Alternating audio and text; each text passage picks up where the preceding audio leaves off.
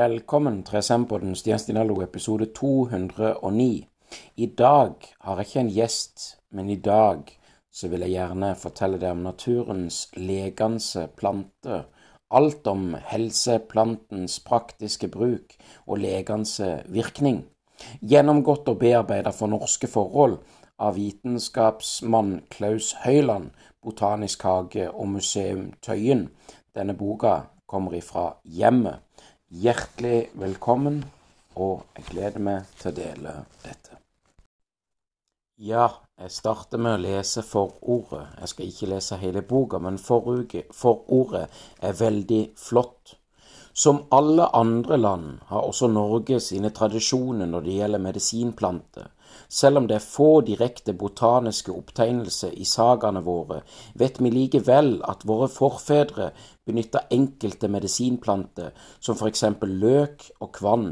Det var særlig kvinner som sto for tilberedning av disse, og vi snakker jo fremdeles om kloke koner.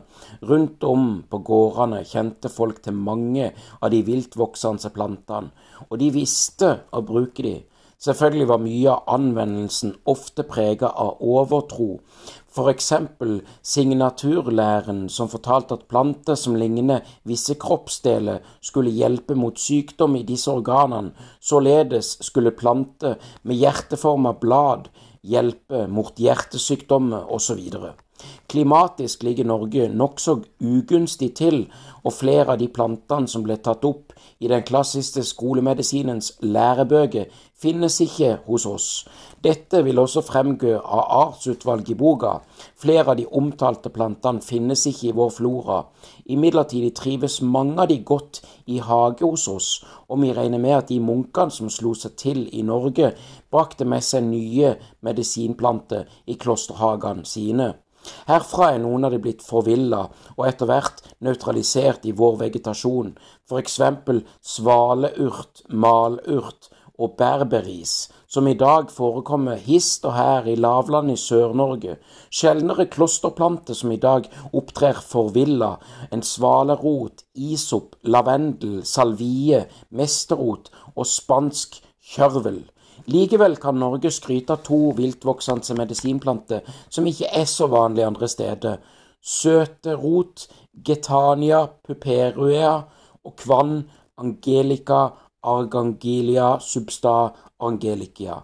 Søterot vokser i bjørkeskog og på setervoller og lignende i Sør-Norge, særlig i Telemark og enkelte deler av Hardangervidda. Roten er rik på biterstoffet lik gulsøte. Kvanen er vanlig på fuktige steder til fjells, og i hele landet blir også brukt som grønnsak. På Vestlandet dyrker våre forfedre en egen kulturform av kvann i såkalte vanndørker. Og dette er det ene eksempelet, eneste eksempelet vi kjenner til at norsk plante er blitt forelda til en kulturplante. Enkelte slike vandregard står den dag i dag, både søterot og kvann ble sett som en universalmedisin, og store mengder ble eksportert til utlandet. Svenskene kaller søterot for bagsøta, eller nordbagga, nordmann. I dag brukes norske viltvoksende medisinplanter praktisk talt ikke i legevitenskapen, selv om vi kan spore en økende interesse for de annet folk, også fra legefolk. Det er likevel viktig å huske på at de fleste medisinplantene bare må betraktes som støttemedikamenter med behandling av sykdommer. Føler man seg dårlig, må man oppsøke lege først, og eventuelt forhøre seg før man setter i gang med medisinplante. Det kan være livsfarlig å ikke oppsøke lege og istedenfor eksperimentere med medisinplanter på egen hånd. Noen av medisinplantene er farlige, giftige og må ikke brukes i det hele tatt og for å lettere påpeke plantens giftighet er det blitt satt visse tegn på plantens i tekstdelen. To kors. Planten er dødelig giftig og må ikke brukes uten som spesialpreparat ordnet av lege og kjøpt mot resept på apotek. Ett kors. Planten er giftig i større mengde og må bare brukes med måte. Den må ikke brukes i tebehandling i husholdningsbruk, og barn bør ikke prep gis preparater som inneholder disse plantene, med mindre legen anbefaler det. Ingen anmerkninger betyr at planten er mer eller mindre ugiftig, men instruksjonene må alltid følges. Man bør ikke overdrive bruken av noen medisinplanter. Vær også oppmerksom på at nyere forskning ofte avslører at planter man lenge har antatt har vært ufarlig, viser seg å inneholde skadelige stoffer. Klaus Høyland. Planten et levende laboratorium. Som alle andre organismer lever planten av det de skaffer seg fra omgivelsene, fra luften, fra vannet og jorda, tar planten opp de næringsstoffene som de trenger for å holde seg i gang i sine kompliserte indre mekanismer. Stoffene som tas opp under plantenæringen, hovednæringsstoffene kjemiske forbindelser som inneholder grunnstoffene karbon, hydrogen, oksygen, nitrogen, kalsium, kalium, svovel, magnesium, fosfor og jern. Dessuten trenger plantene små mengder av de helt nødvendige sporelementene mangan, kobber, sink med fler. Med å bruke sollys som energikilde lager planten visse kjemiske forbindelser av de opptatte næringsstoffene. Disse forbindelsene tjener igjen som energikilde når planten lager kompliserte organiske stoffer, eller de styrer og stimulerer veksten, eller de påskynder stoffskiftet i planten. Planten, som på denne måten livnærer seg av organiske stoffer som de tar opp og omdanner til organiske forbindelser, kaller vi for autostrofe. Men det finnes også heterostrofeplanter, dvs. Si organismer som ikke kan lage organiske stoffer av uorganiske på egen hånd.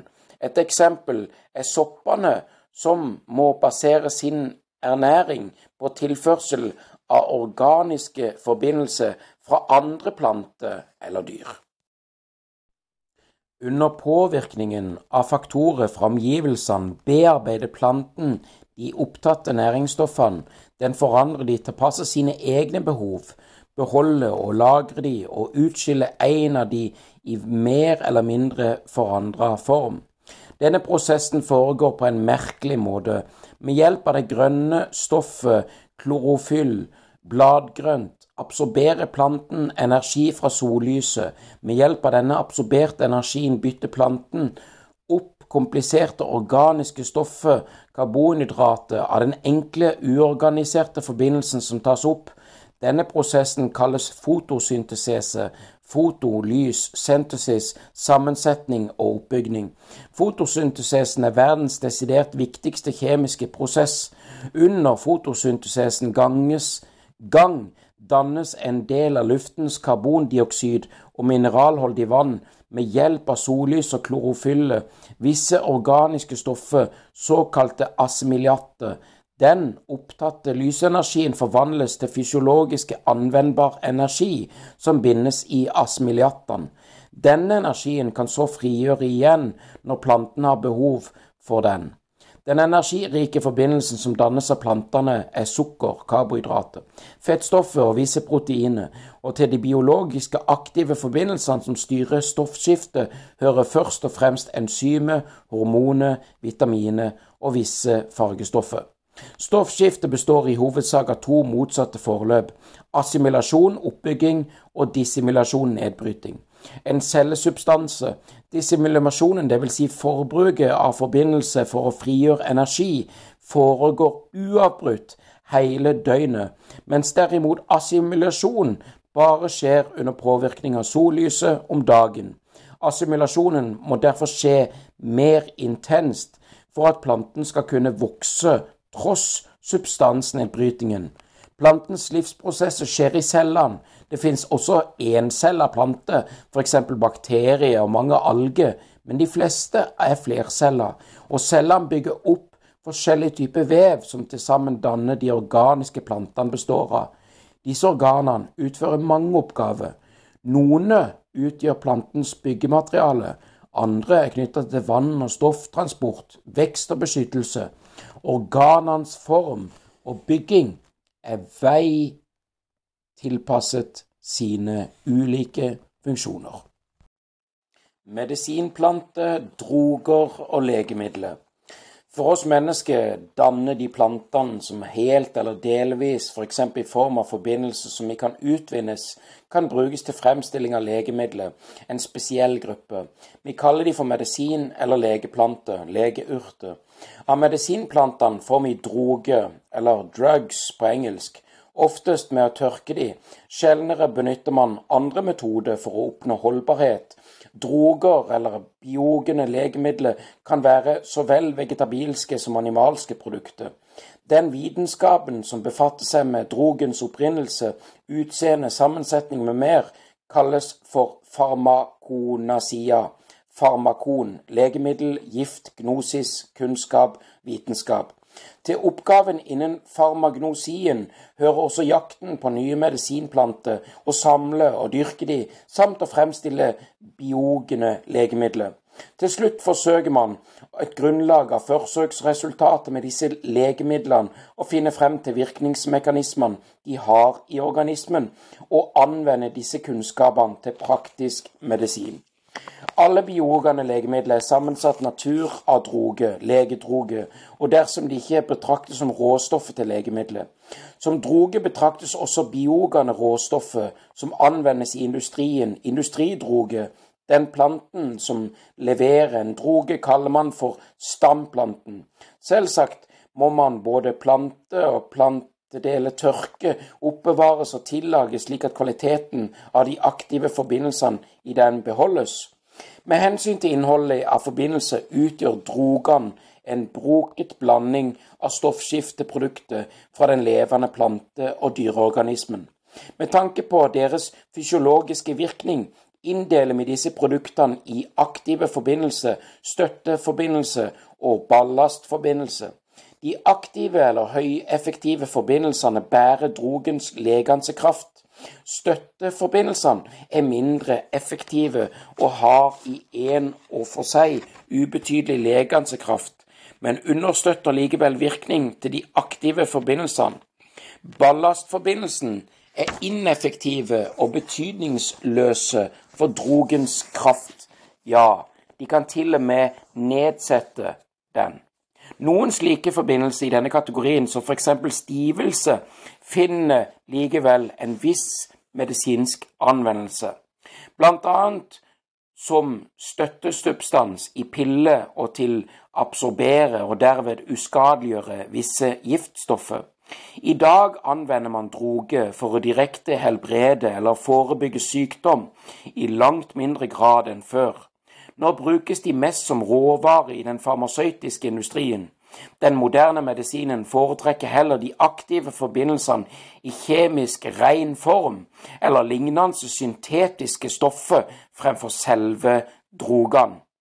Droger utvinnes av viltvoksende eller dyrkende planter, alt etter farmakologiske virkningsgrad, skiller vi mellom giftige, toksikse, sterkvirkende og ugiftige, ikke-toksikse droger, men det er vanskelig å dra ut noe skarpt skille mellom disse to gruppene. Giftige droger må merkes tydelig og lagres atskilt fra andre droger, såkalt separate eller separandum. Behandling av giftstoffet er underlagt spesielle forskrifter. Som betegnelse på drogene benyttes latinske navn. Dette blir gjort for å lette den internasjonale forståelsen, da de latinske navnene benyttes i alle andre land. I det latinske drogenavnet inngår delsnavnet på det aktuelle plantedelen, dets hele plantens botaniske navn.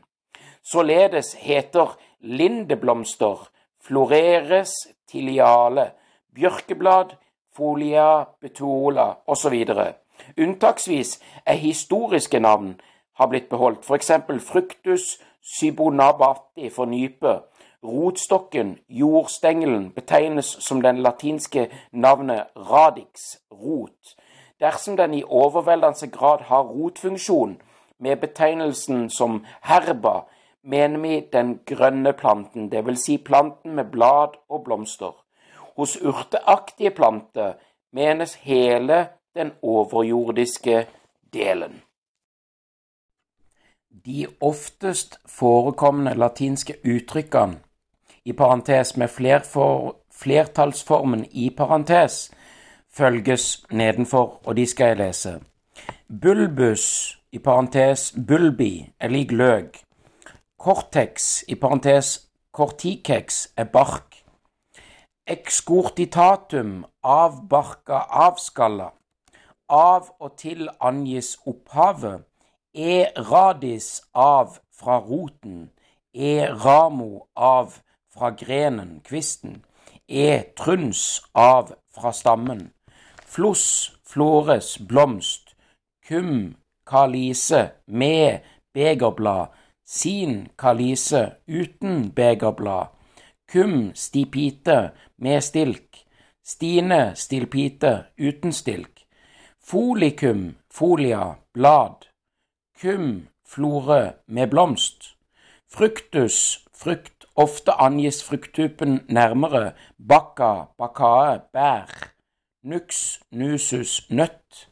Legum, legunia, belg. Gemma, gemae, knopp. Herba, herbae, urt. Ligum, ligna, ved, tre. Excortitatum, avskalla, avbarka. Persicapium, persicapia, fruktvegg. Radix, radises, rot. Mundata, skrellet. Naturaliasis, uskrellet. Rhizoma, rhizomata, rotstokk eller jordstengel. Semen, seminia, frø. Stipes, stipites, stengel, stilk. Sumitas, sumitates, spiss, topp, grenspiss. Tuber, tubera, knoll. Til medisinplantene regnes også krydderplanter, som nesten utelukkende dyrkes for smakens og aromaens skyld, men som gjennom sin stimulering av magesaftsegresjonen også har visse medisinske virkninger. Og nå skal jeg lese viktige forbindelser fra planteriket. Gamle, ofte tusenårige erfaringer i forening med moderne vitenskapelige forskning viser at tallrike vegetabilske forbindelser har medisinske virkninger. I følgende skal vi innskrenke oss til kort karakteristikk av de viktigste av disse forbindelsene, og jeg skal kort oppsummere de.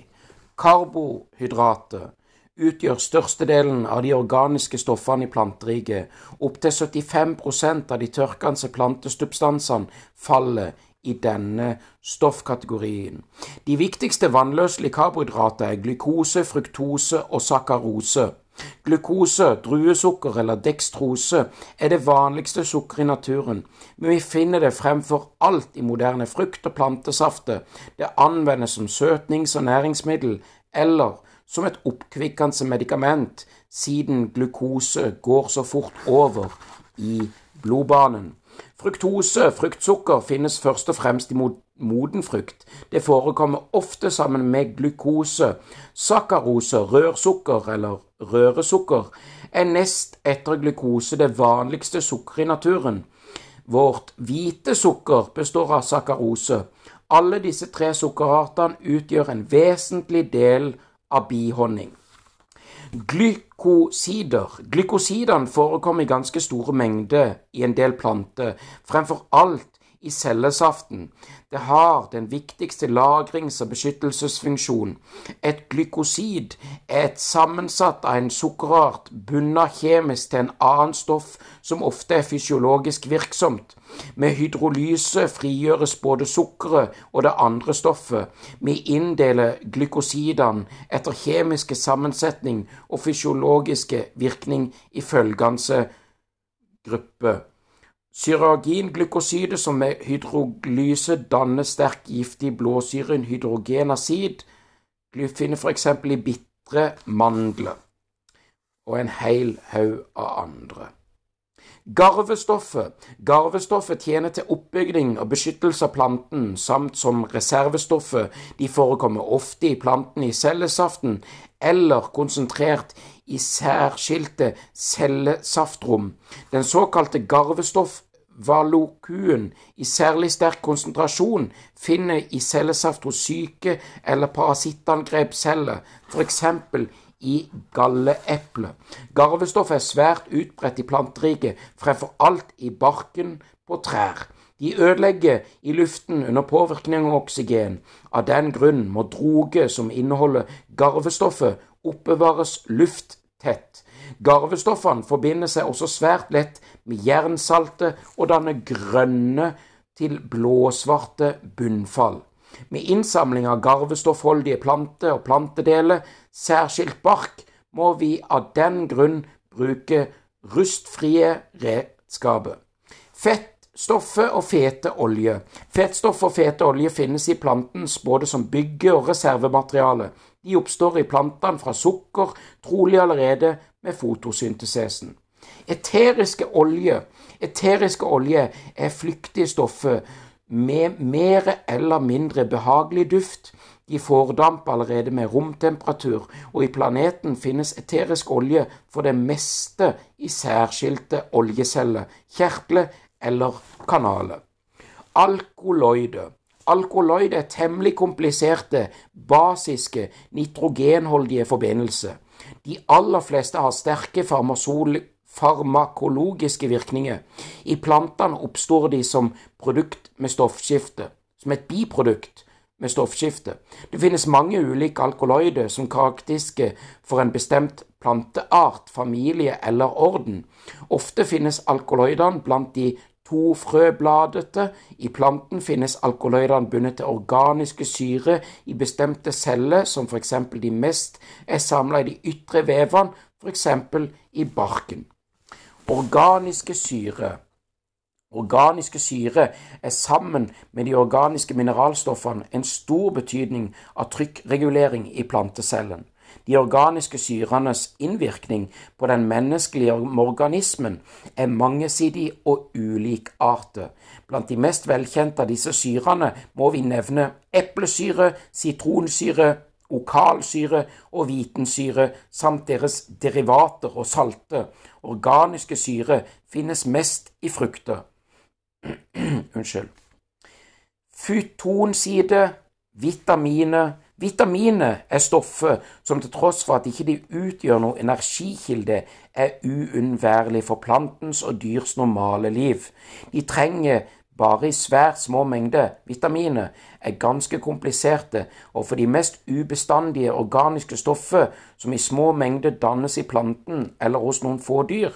Mennesket, og med noen få unntak, alle dyr må ta opp ferdige vitaminer ved å spise planter eller andre dyr, eller skaffe seg det de er for stadige til vitaminene, de såkalte provitaminene. Noen vitaminer oppstår i menneskekroppen av provitaminer som behandles av tarmbakterier.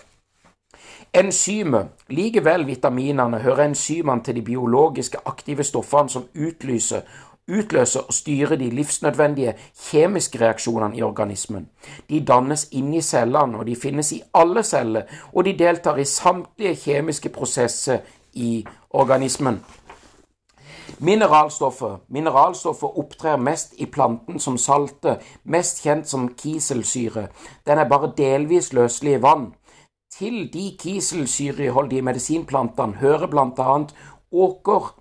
åkersnelle, Gallipiosis sergetum, lungeurt, åkersmåne og tungsgress. Droger av kiselsyrholdige planter tilberedes som utkok. Dette skal omtales senere. Melkesafter. Melkesaft finnes i en egen kanal hos en del planter.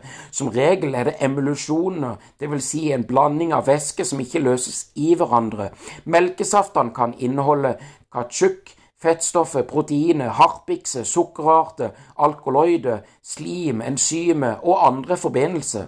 En velkjent og farmalogisk melkesaft er opium, som utvinnes med å skjære et snitt i umodne kapsler av opiumsvalmuen.